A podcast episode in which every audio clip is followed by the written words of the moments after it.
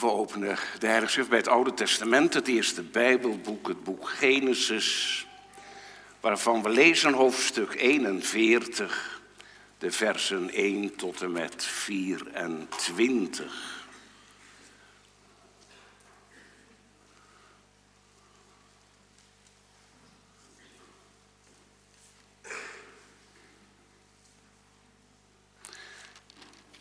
Tekst is vers 1 tot en met 8. Dan wordt de geschiedenis verteld door de schrijver, geïnspireerd door de Heilige Geest.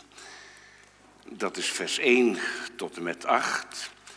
En dan ook vers 17 tot en met 24. Dan vertelt de farao zijn droom zoals hij die beleefd heeft. Dat is dan de tekst.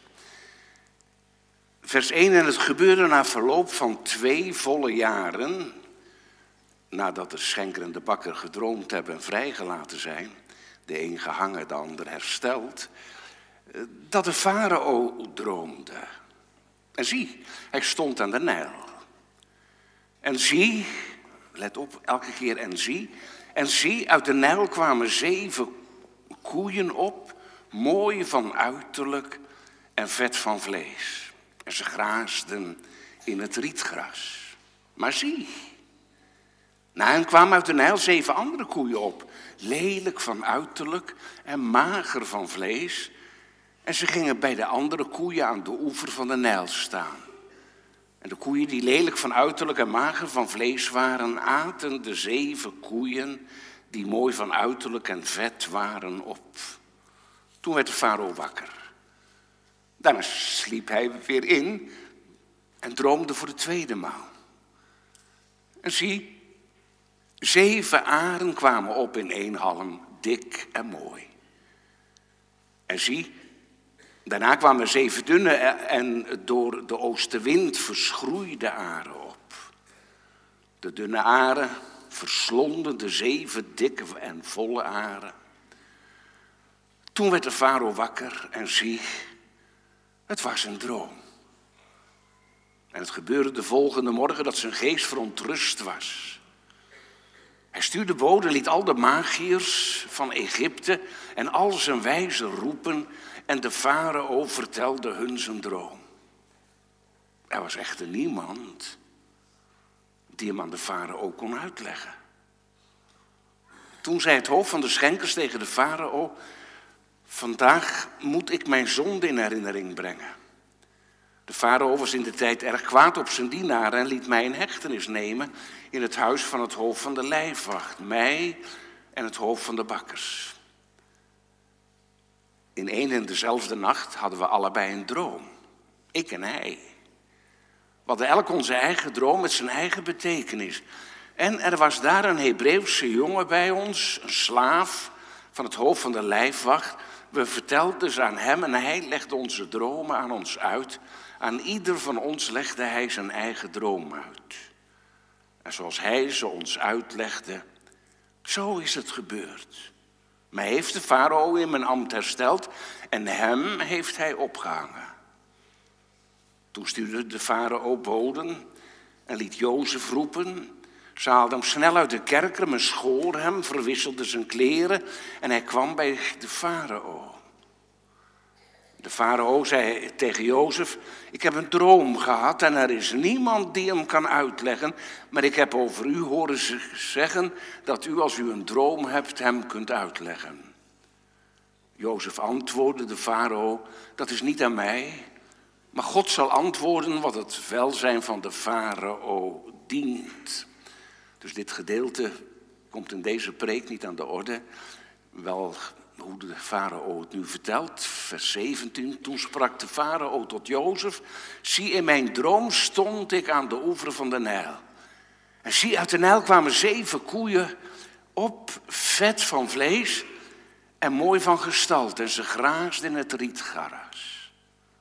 Maar zie, na hen kwamen zeven andere koeien op, zwak zeer lelijk van gestalte en mager van vlees. Ik heb in heel het land Egypte nog nooit zoiets lelijks gezien. Die magere en lelijke koeien aten die zeven eerste vette koeien op. Die kwamen in hun buik, maar het was niet te merken dat ze in hun buik waren gekomen, want hun uiterlijk was even lelijk als in het begin. Toen werd ik wakker. Vervolgens zag ik in mijn droom en zie zeven aren kwamen op in één halm, vol en mooi. En zie, daarna kwamen er zeven dorre, dunne, door de oostenwind verschroeide aren op. En de zeven dunne aren verslonden die zeven mooie aren. Dit heb ik ook tegen de magiërs gezegd. Maar er was niemand die mij de betekenis kon vertellen. Tot zover de schriftlezing. De Heere brengt door een enkele droom Farao in grote nood. Dat raakt in de eerste plaats de persoon van de dromer. In de tweede plaats de plaats van de dromen. En in de derde plaats de uitleggers van de dromen. De Heere brengt door een enkele droom Farao in grote nood. Dat raakt in de eerste plaats de persoon van de dromer, de plaats van de dromen, de uitleggers van de dromen. Dus in de eerste plaats de persoon van de droom. Gemeente jongens en meisjes, ons hoofdstuk is eigenlijk een machtig hoofdstuk, een machtig thema voor een producent van christelijke films. Om met de mogelijkheden van Hollywood een schitterende film van te maken. Met een machtige boodschap. En het kan tegelijk dienen ter ondersteuning van het welvaartsevangelie. Eindelijk, eindelijk na dertien jaar wordt Jozef uitbetaald voor zijn bereidheid om verdrukkingen te lijden. Jozef is getrouw gebleven. En nou betaalt God hem uit met roem. En hij krijgt zelfs, staat er de tweede wagen na de farao, dus de duurste Bentley. Hij wordt in de adelstand verheven. Wat een onderwerp. Met andere woorden, jongens, die nou God en, en neem nou de narigheid die je er ook mee krijgt. God gaat je uitbetalen. Vroeg of laat word je uitbetaald. Maar is dat wat de Heilige Geest wil laten zien in dit hoofdstuk? Nee, die wil ons wat anders laten zien, namelijk dat de God van de Bijbel de levende God is en dat Hij vanaf de zondeval de controle niet kwijt is, maar bezig is met zijn grote plan. En dan gaat het hier ook niet om Jozef, het gaat om Israël, het gaat ook niet om Israël, het gaat om de Christus in de stal van Bethlehem, het gaat om de Christus aan het kruis. En daar stopt het niet, het gaat om dat plan van God met die nieuwe aarde, met de scharen die niemand tellen kan en waar elk verloste kinderen, mannen, vrouwen, gelijk zullen zijn aan Jezus.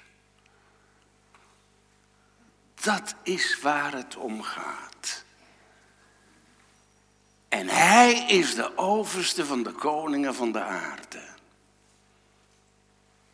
En dat werkt God uit in de geschiedenis hier en nu. Laat dit geregeld zien. En dat is vertroostend ook in de omstandigheden waar wij nu zitten. Want ergens vind ik het eh, net als u doodeng. Wie zitten er aan de knoppen, of in ieder geval dichtbij die knoppen van de atoomkoppen? Poetin. En Trump, daar weet je ook nooit van wat hij gaat doen. Erdogan. Kim Jong-un. Oeh, doodeng. Zo, dus ze zijn gek genoeg om op die knop te drukken en de hele boel staat in de fik.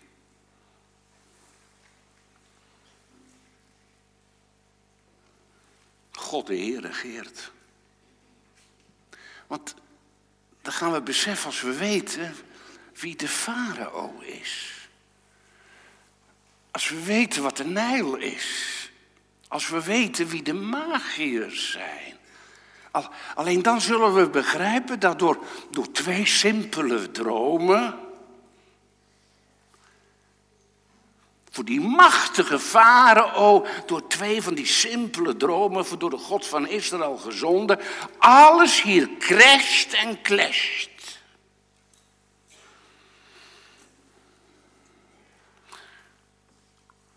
Jongens en meisjes, jullie weten ook wel wat een nachtmerrie is. Dat je iets heel engs droomt. En op de grond ben je wakker. Of dat er een hond achter je aan zit. En, en dat is niet alleen bij kinderen. Ook een vrouw kan in de droom de man een klap geven omdat ze vecht in de droom. Nachtmerries. Maar ik nou lees wat die farao gedroomd heeft, dan, ja, dan snap ik het niet goed. Zeven mooie vette koeien komen uit de Nijl op. En, en daarna komen er zeven magere koeien op. En, en, en die vreten die dikke op. Nou ja, zo eng is dat toch niet voor die farao. Ze komen niet op hem af om hem op te vreten. Ja, dan, dan zou ik het begrijpen. Maar het is een nachtmerrie. En het gebeurde de vers achtervolgende dag dat zijn geest verontrust was. Een heel sterk woord. Hij weet niet wat hij zoeken moet. Toen werd de farao wakker en ziet het was een droom. Nou, dat herkennen we. Want op het, net op het moment dat die hond je te pakken krijgt, word je wakker. Oh, gelukkig, het is een droom. Het is niet echt. Maar de farao wordt ook wakker. En die heeft die opluchting niet. Zijn geest is juist verontrust. Dat, is een hele sterke uitdrukking. De farao is doodsbang. Om, omdat hij beseft dat, dat de droom een ernstig signaal is uit de godenwereld.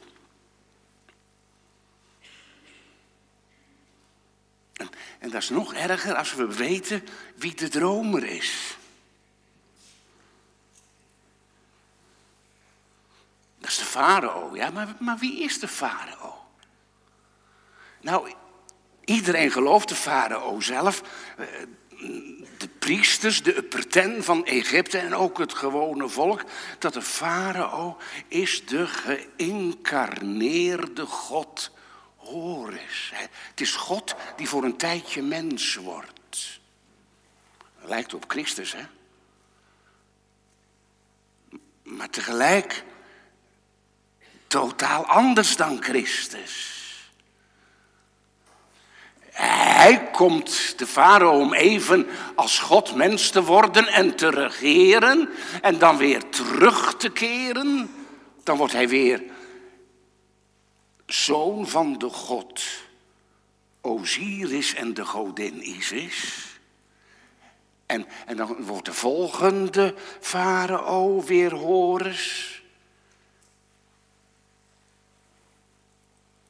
Terwijl Christus komt. Niet om aanbeden te worden van meet af aan, geadoreerd te worden. Niet om te heersen, maar om te dienen niet, niet om zijn leven gladjes te laten verlopen, maar om zijn leven te geven tot een rantsoen. De farao ziet zichzelf heel anders. En hij is de verbinding tussen de goden en het Egyptische volk. En, en hij komt een tijdje op de aarde eh, om de orde te bewaren. En, en, zijn godheid maakt zijn besluiten onschendbaar. Uit die overtuiging leeft de farao. Dus hier is een vlees geworden God die gek wordt van angst.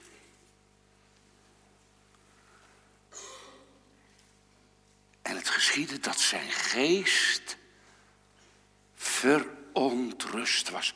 Die Godmens in totale machteloosheid en angst. Een hele sterke uitdrukking. Die ook gebruikt wordt van Nebuchadnezzar als hij gedroomd heeft over de grote beeld. En de dichter van Psalm 77 gebruikt het ook. Ik dacht ik aan God, dan kermde ik, peinsde ik, dan bezweek mijn geest. Dat is, bezwijken, dat is dat het bloed uit je wegtrekt. Dat kennen we wel.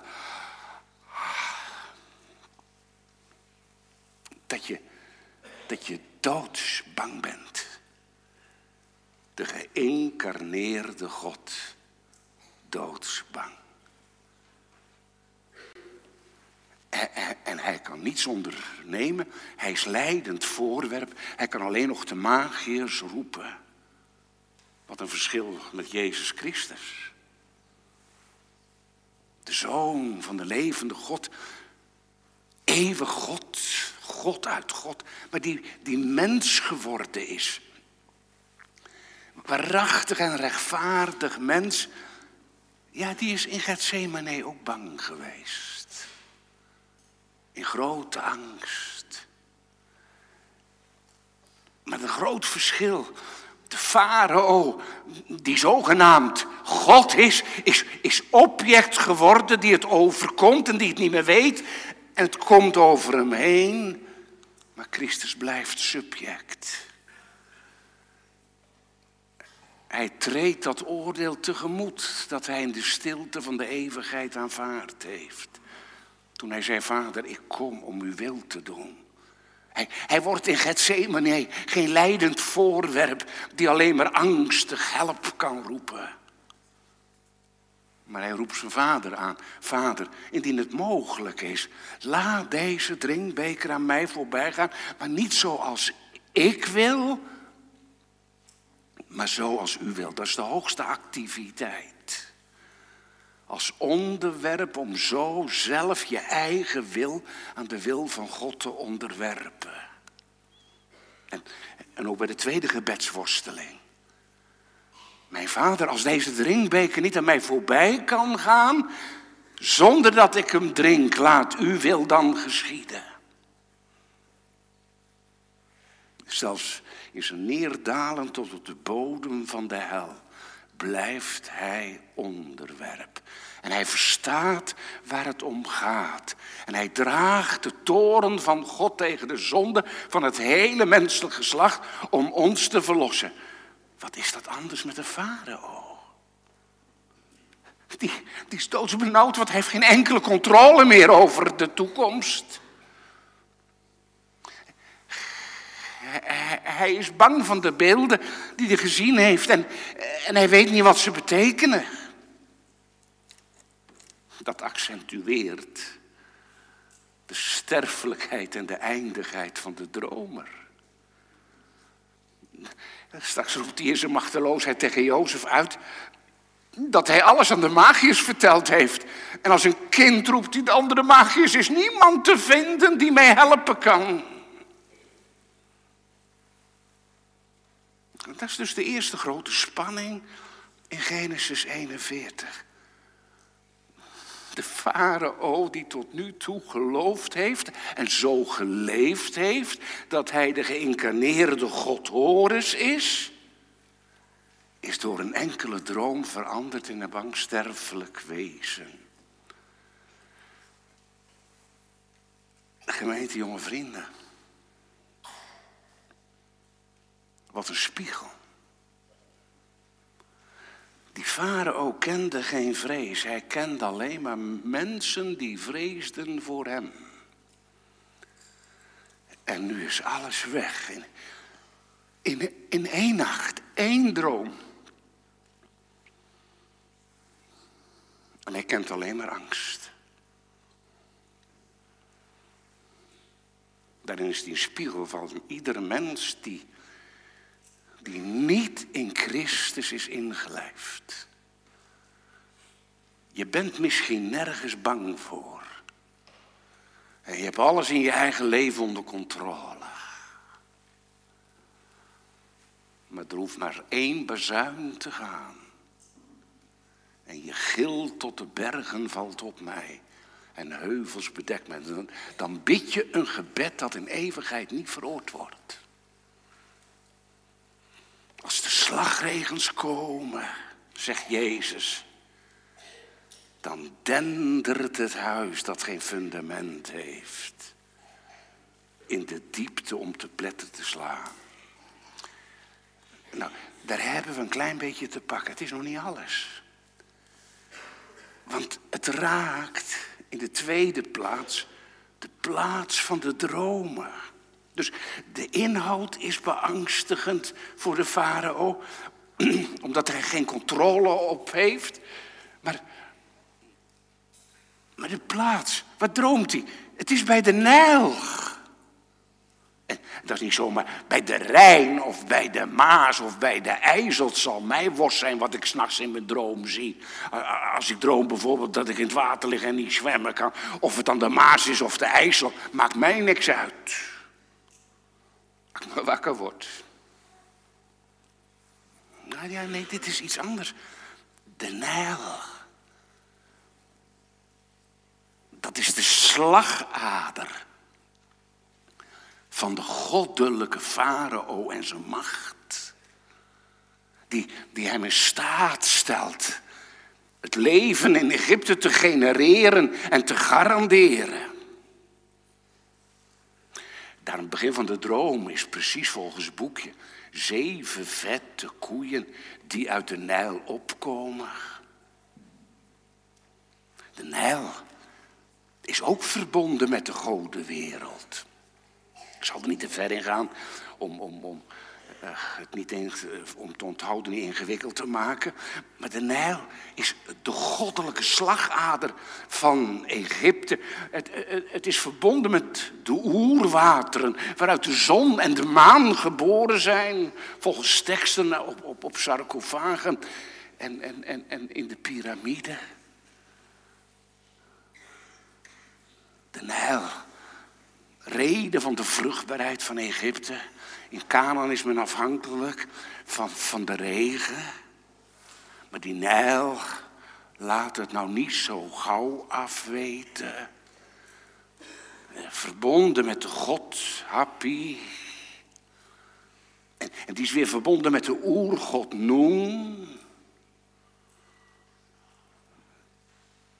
Die de oerwateren zon en maan voortbrachten, proeft u de geladenheid. En dat er uit die Nijl zeven vette koeien opkomen, dat is volgens boekje.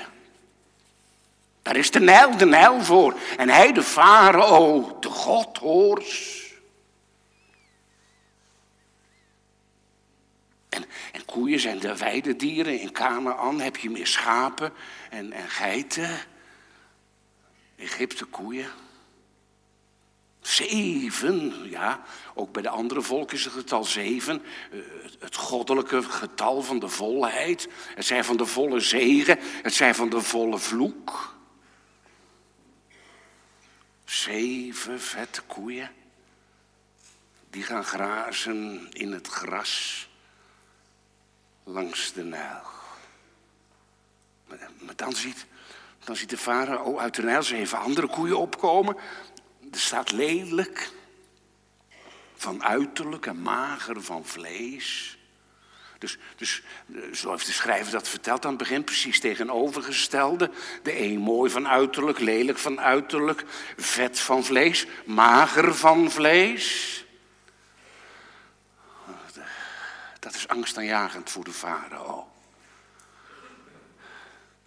Zulke wezens. Weet u, eh, zo moet je ook je Bijbel bestuderen. Uh, op, je, je computerscherm kan dat zo mooi dat je twee kolommen maakt. Ik heb dus die woorden van, van de schrijver aan het begin... Uh, heb ik uh, gekopieerd in de kolom gezet. En toen in de andere kolom heb ik daarnaast gezet... wat Farao vertelt aan Jozef. En, en, en dan de, de verschillen. Wat is nou het verschil? Ik zei net, de schrijver gebruikt twee, twee uitdrukkingen voor die magere koeien. Lelijk van uiterlijk, mager van vlees. Maar de farao gebruikt drie aanduidingen. Zwak, brood, mager, vreselijk lelijk en mager van vlees. En hij roept uit in vers 19 tegen tegen Jozef dat hij in, ik heb in heel het land Egypte nog nooit zoiets lelijks gezien.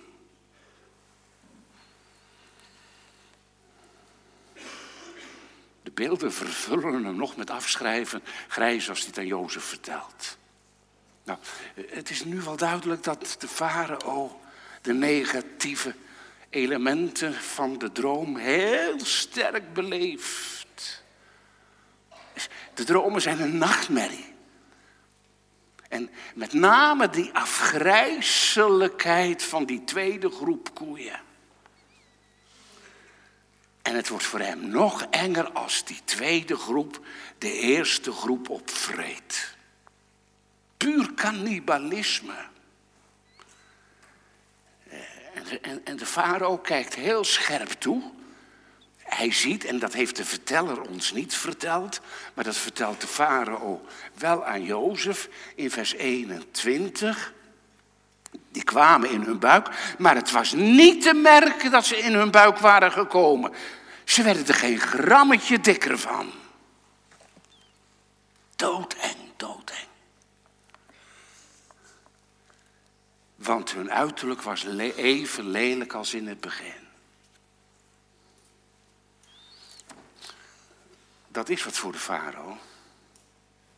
De Nijl verandert van karakter. De volle vloek, zeven magere koeien, vreet de volle zegen op. En er is niks van te merken. Als de Nijl het nu laat afweten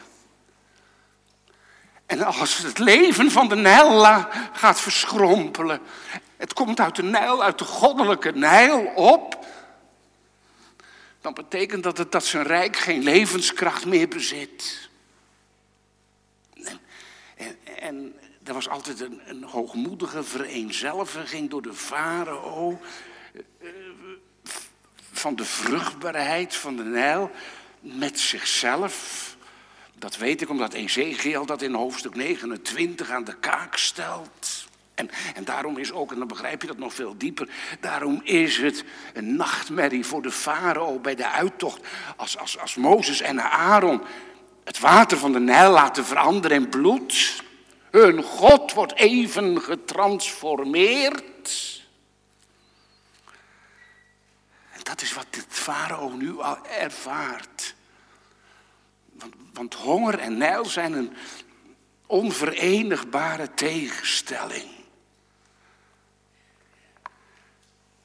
En de farao werd wakker, zegt vers 4. En vers 5, dat de, farao weer in slaap valt en, en droomt voor de tweede keer.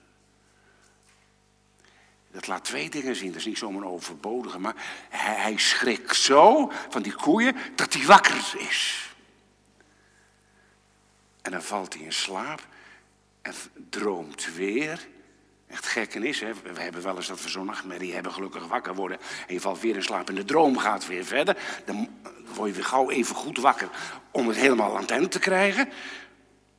De farao valt weer in slaap, maar de droom gaat niet verder. Hij krijgt een andere droom.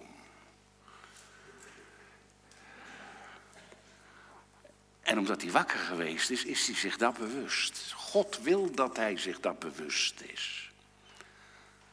En nu die zeven aren, dik en mooi. En, en vergis niet, dat is, dat is de halsslagader van de economie.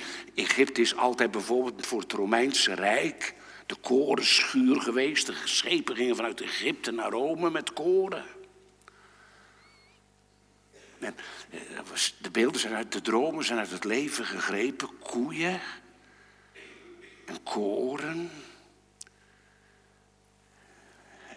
En, dan die magere, door de oostenwind verschroeide aarde, aren, vreten de volle aren op, slikken de dikke korrels in. En weer verslindt de vloek de zegen. Daarom wordt hij gek van angst. Hij, de machtige God Horus, die mens werd. Gek van de angst. En vers 7 vermeldt, Farao wordt wakker, zie het was een droom. Nou, dat kennen we wel. Dat betekent dus gedurende zijn droom is het, was het werkelijkheid. En dan is net echt. Dat geldt soms ook, en, en dat grijpt heel diep, dat je soms, dat, dat een weduwe in de droom de man ziet, een moeder, de zoon. En dat is net echt. Al gaat het vaak wel op een bepaalde manier. Dat ze je net niet aankijken, net niet antwoord geven op je vraag. Eh, dan zou je nog wel even het vast willen houden. Maar je bent wakker. Maar bij angstige dromen, waar ben je blij? Oeh, als je wakker bent. Nou is dat apart, De farao is wakker en hij, hij, weet toch dat koeien geen koeien vreten. Korenaren, wie heeft het ooit gezien? Geen korenaren. Eh, dat is toch onzin? Ja, toch heeft hij door. Dat laat God hem ervaren. Dit, dit is niet zomaar onzin, dit is meer. En dan gaat het verder en het wordt nog beroerder voor hem. Want de Heer brengt door een enkele droom Farao in grote nood. En dat raakt in de derde plaats de uitleggers van de dromen. De, de nood wordt nog groter in vers 8. En het gebeurde de volgende morgen dat zijn geest verontrust was. En hij stuurde boden en liet al de magiërs van Egypte en al zijn wijzen roepen. En de farao vertelde hun zijn droom. Er was, er was echter niemand die hem aan de farao kon uitleggen. Farao heeft genoeg gezien om in verwarring te zijn. Alles heeft te maken met zijn eigen godheid en met de goddelijkheid van de Nijl. Het cannibalisme. Wat betekent dat? Het maakt hem angstig en daarom de volgende morgen als hij wakker is. Eerste elboden worden uitgezonden naar de magiërs. Wat is dat? Ja, dat heeft ook. Dat is zijn laatste verbinding met de goden. Dat, dat, is een speciale priesterafdeling. En de priesters waren heel belangrijk in Egypte. Een speciale priesterafdeling die zich bezighield met de dromen. Die, hadden onderwijs gehad in de dromenboeken van alle dromen uit het verleden. En zij oefenden magische kunsten uit. Geen kleine jongens, kijk maar bij Mozes en Aaron. Veel van de, veel van de tekenen die, die Mozes en Aaron doen, imiteren ze. Zij het niet in alles. En, en, en men geloofde van hen in, in, in Egypte, en zo werden ze ook door, door Farao in ere gehouden, dat zij een bijzondere verbinding hadden met de goden, een bijzondere gave van de goden. En, en die laat hij komen, zijn laatste halm, strohalm. En dan komen ze binnen in het paleis. De farao vertelt, een verschil met Nebukadnezar, die laat ze en de droom vertellen. Die, is bang, dat zijn de machtigen ook bang, dat ze bedrogen worden. Die moeten en de droom en de uitleg geven. Nee, de farao, omdat ze allemaal met de goden verbonden zijn, vertelt de droom.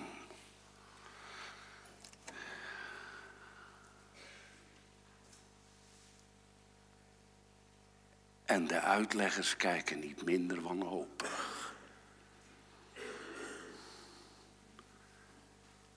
Alles ontploft. Het laatste lijntje met de goden, de wetenschap en de middelen van de wetenschap staan in hun hemd.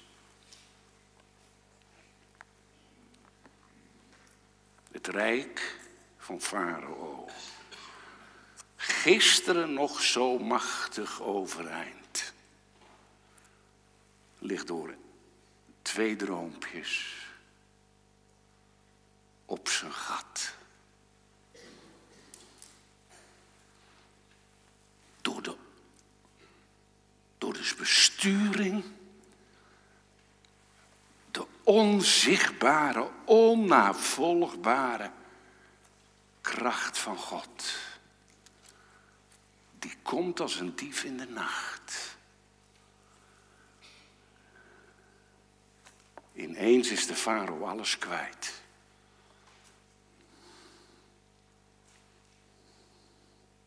De grip op de toekomst en de rust van vandaag is niet aangrijpend. Twee van zulke simpele dromen. Zo gaat het als God optreedt. Dat, dat, dat zal ook later Nebukadnezar ervaren. En onze eeuw zal het ook ervaren als straks het momentum daar is. En de bezuin gaat.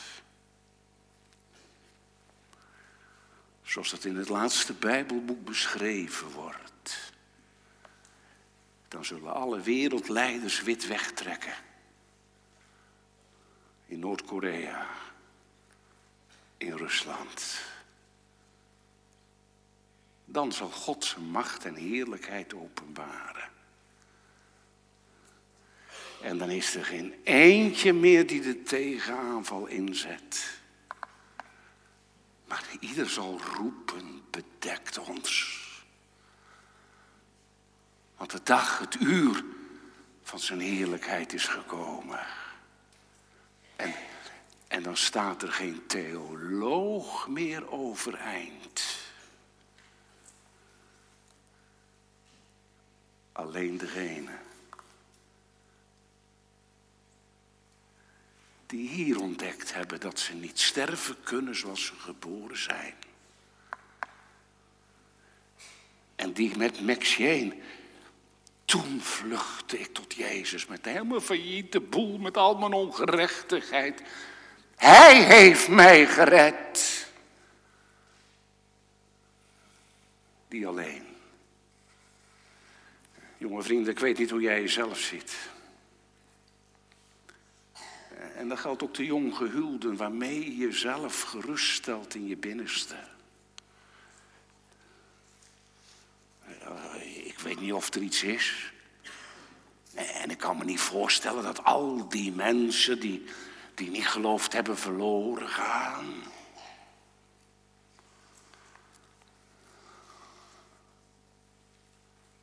Ik weet wel, God kan binnenkomen in je leven zelfs in je slaap.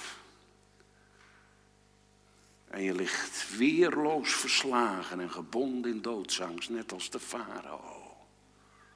Dat is het wonderlijke van deze God. Hè? Want dan moet je ook realiseren, op dit moment zijn er maar, maar 70 mensen, ik zeg niet eens die God vrezen, maar 70 mensen die de naam van deze God kennen.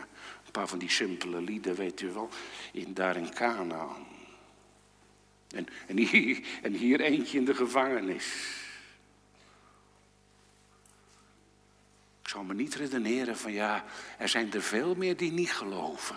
Als het ooit waar was, toen waren er maar 70 op de hele aarde. die de naam van die God kende.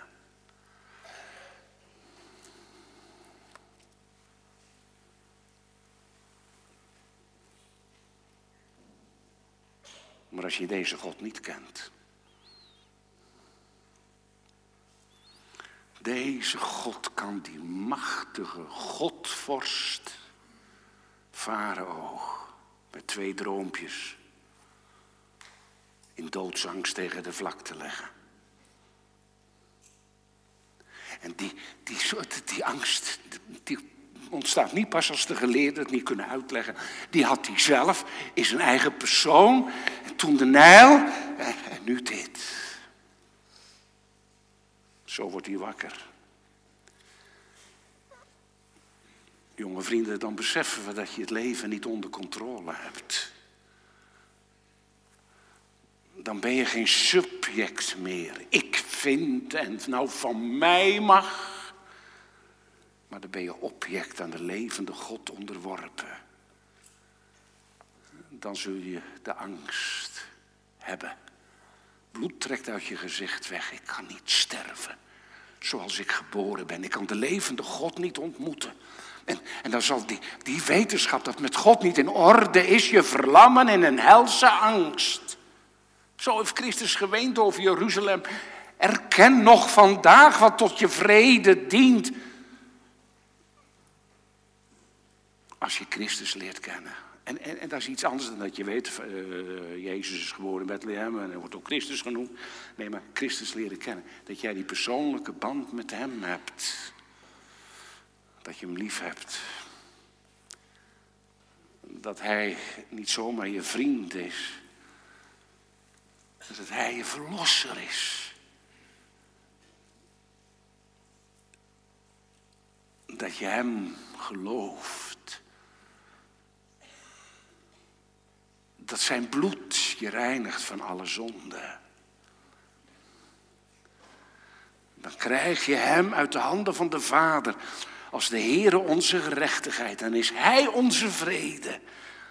En dan, dan krijgen we de vrede in het hart die van de omstandigheden niet meer afhankelijk is.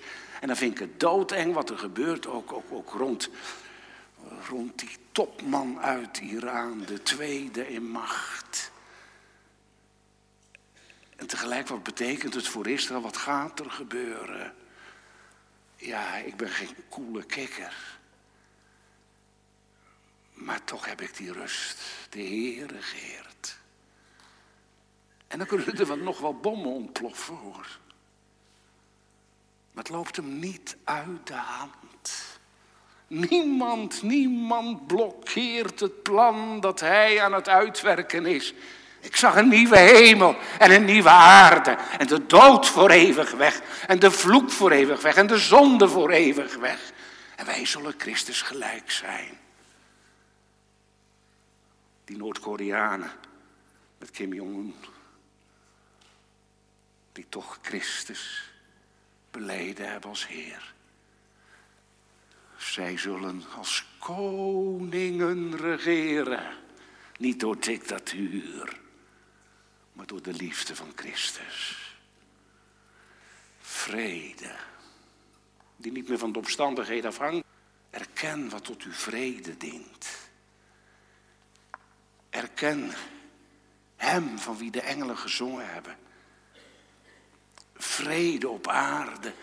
En die aan het einde kan zeggen van zijn leven: Mijn vrede geef ik u.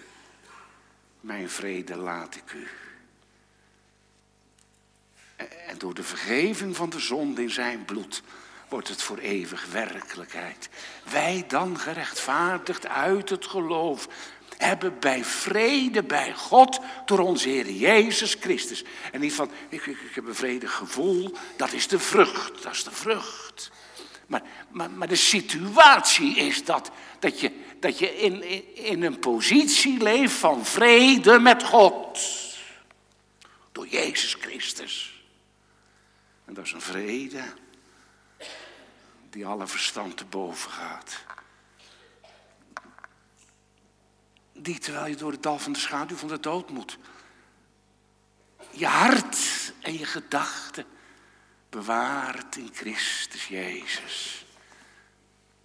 De God van de vrede is dan met ons, zegt Paulus in Filippenzen. Wat een machtig evangelie. En deze vrede wordt je aangeboden. God was in Christus de wereld met zichzelf verzoenende. God heeft zelf voor de verzoening gezorgd. Wij bidden nu van Christus wegen. Laat je met God verzoenen. Jongen, geef het verzet tegen God op. Maar, maar ook, ook, ook jij die jong bent en werkt aan je carrière en het gaat zo voorspoedig. Geef je verzet op, geef je over. Dat je niet meer in oorlog bent met God. En dat je het zelf uitmaakt. Zolang je je dromen niet gehad hebt, lijkt het goed te gaan. Maar God hoeft maar te blazen. Wat een zegens je weten mag. Vrede met God. Voor eeuwig. Voor eeuwig. Christus onze vrede. Wat er ook gebeurt. In 2020. En de Heer kan je de vrede zomaar schenken. In de meest angstige omstandigheden. Vrede met God. Omdat er niks meer tussen zit.